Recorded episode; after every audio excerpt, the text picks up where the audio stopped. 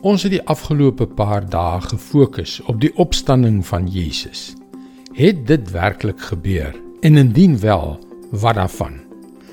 As dit werklik gebeur het, wat beteken dit vandag en tot in ewigheid vir my en vir jou? Hallo, ek is Jockey Gouchee vir Bernie Diamond en welkom weer by Vars. Dit is 'n belangrike vraag. Dit is alles goed en wel om te praat van wat in die verlede met Jesus gebeur het. Ja, ons moet dit verstaan om ons geloof op 'n vaste grondslag te plaas.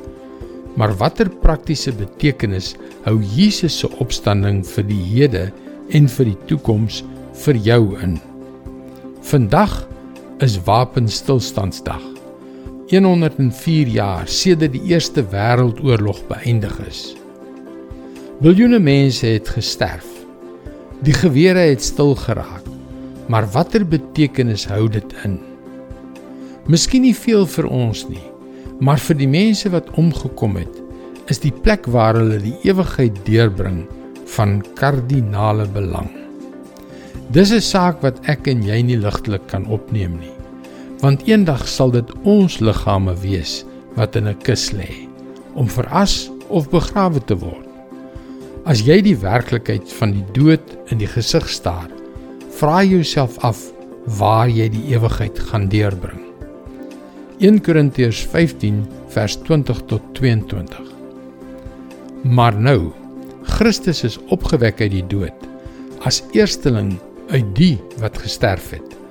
Aangesien die dood deur 'n mens gekom het, het die opstanding van die dooies ook deur 'n mens gekom.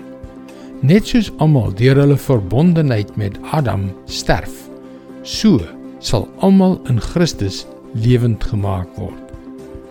Ons sonde het wesentlik oorlog teen God verklaar.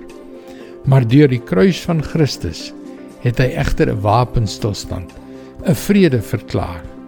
En deur die leë graf het God vir almal wat in sy seun Jesus glo, 'n ewige toekoms, 'n nuwe lewe 'n opstandingslewe verkondig.